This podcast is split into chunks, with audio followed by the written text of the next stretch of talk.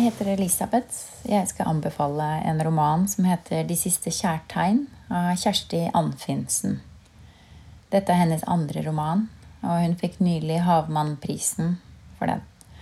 Havmannprisen går til en forfatter med markant nordnorsk tilknytning.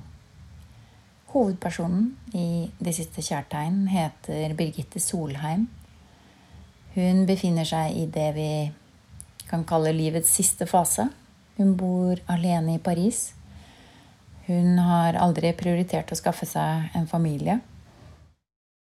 Hun tenker en del tilbake på sin karriere som ettertraktet hjertekirurg i et mannsdominert miljø. Birgitte har en søster hjemme i Norge som stadig ringer henne via Skype og lurer på hvordan det går med henne. Hun spør om hun snart skal komme hjem eh, på besøk. Men Birgitte har ingen lyst til å dra tilbake til hjemlandet. Jeg likte denne romanen veldig godt. Og mens jeg leste, så satte jeg inn en del gule lapper i boken. Det er så mange fine setninger og avsnitt. Og jeg tenkte jeg skulle dele noen av de med dere. Eh, her er f.eks. et kapittel som heter eh, Små hender. Før kunne hendene mine redde liv. De kunne redde et lite barn. Det var en sann glede å møte foreldrene etter slike vellykkede operasjoner og si vi har lukket igjen hullet i hjertet. Alt ser ut til å gå fint. Nå kan jeg ikke engang skjenke en kopp kaffe uten å søle. Frisøren min forteller meg at leiligheten er full av flekker og smuler. Han har sannsynligvis rett i at jeg trenger enda mer hjelp. Helst vil jeg klare alt selv. Du er som et trassig barn, Birgitte, sier frisøren min til meg. Folk sier at livet er en syklus, men sammenligningen føles feil. Det er noe som mangler. Hver gang jeg ser meg i speilet, er det noe som mangler. Hver gang jeg ser på hendene mine, er det noe som mangler. Jeg vet godt at det er fremtiden som mangler. Eh,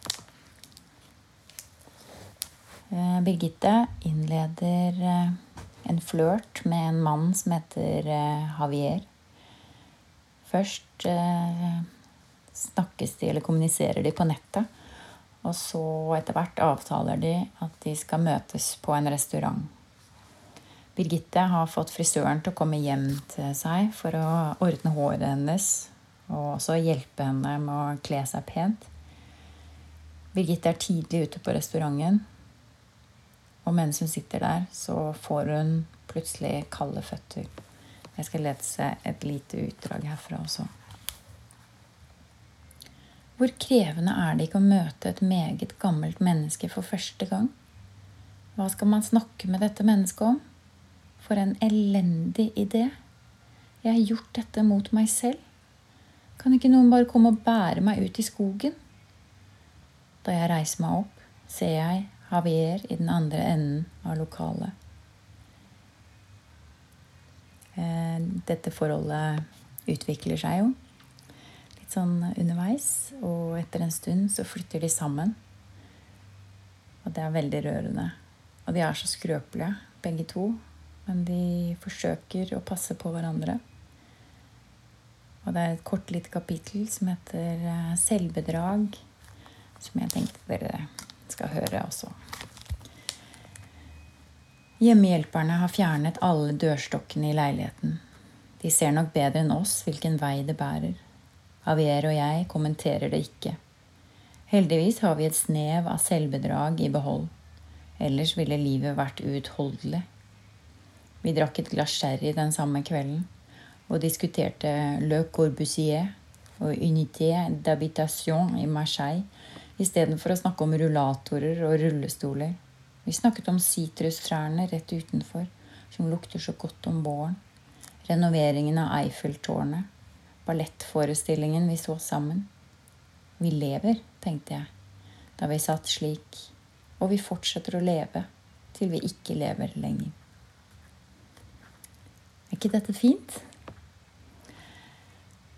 Denne boka her, 'De siste kjærtegn', er en eh, veldig søt. Eh, til tider bitter og også veldig morsom roman.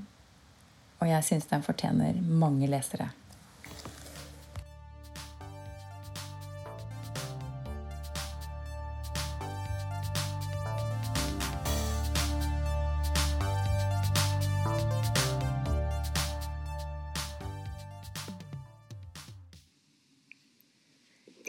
Av oss har en idé om hvordan kunstig intelligens i menneskelig innpakning ser ut. Vi har lest om det, vi har sett det i spillefilmer, vi har til og med sett ekte videoklipp av det. Kanskje har vi så klare ideer om hvordan de ser ut og oppfører seg, at vi hadde blitt litt skuffa hvis vi faktisk hadde møtt en av de her maskinene. I Ian McEwans roman 'Maskiner som meg' skal vi tilbake til 1980-tallets Storbritannia. Men du hadde ikke kjent deg helt igjen. McEwans 80-tall skiller seg fra virkeligheten bl.a. i teknologien. Den er langt mer avansert her enn den faktisk var. I boka har de fleste briter på 80-tallet tilgang til gode datamaskiner, raskt internett og bærbare smarttelefoner. Ikke minst har de aller rikeste tilgang til kunstig intelligens i menneskelig form. 25 kunstige mennesker er skapt. 12 Adam og 13 Eve. De koster flesk, og flesteparten er derfor kjøpt av sjeiker, adelige og andre velbemidla. Men én er kjøpt av Charlie. Charlie er i midten av 20-årene og bor i ei knøttlita leilighet i London. Han lever av å selge og kjøpe aksjer på nett hjemmefra, noe han ikke tjener spesielt godt på. Men han har arva en god del penger fra sin avdøde mor, og han bestemmer seg for å bruke de her pengene på å kjøpe en Adam. Siden han alltid har vært opptatt av teknologi, er han rett og slett for nysgjerrig til å la være. I leiligheta over Charlie bor Miranda, som han i starten av boka innser at han er håpløst forelska i. For å komme enda tettere innpå Miranda, som Charlie allerede deler store deler av livet med, bestemmer han seg for å la henne hjelpe til med å programmere Adam. De her kunstige menneskene har nemlig en programmerbar personlighet som eierne i stor grad bestemmer sjøl gjennom å stille inn parametere som medmenneskelighet og utadvendthet. Miranda er med, og sammen skaper hun og Charlie det mennesket de vil at Adam skal være. Når han er ferdig programmert, begynner han å leve sammen med dem. Delvis som en tjener som de setter i arbeid. Delvis som en romkamerat de kan ha lange og interessante diskusjoner med. Etter hvert begynner et merkelig trekantdrama å utfolde seg, og det viser seg at både Charlie og Miranda undervurderer hva Adam er i stand til. 'Maskiner som meg' er en utrolig interessant roman om menneskesinne, om følelsesliv, om moral og etikk som det står i teksten fra forlaget. Hva er det egentlig som gjør oss menneskelige? Den fysiske kroppen eller vårt indre liv? Og kan en maskin forstå et menneskes følelser?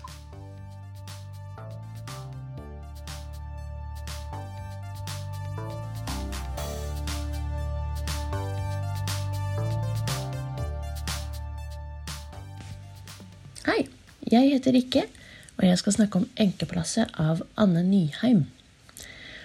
Anne Nyheim debuterte med denne boken i år, og skriver selv. Jeg skriver om folk som tjener i sikksakk gjennom livet, om annerledeshet og utenforskap. Noen ganger går alt til helvete. Og hva gjør du da, når dette med folk ikke er din greie? Vera har pakket en piknikkurv og drar ned til havnen.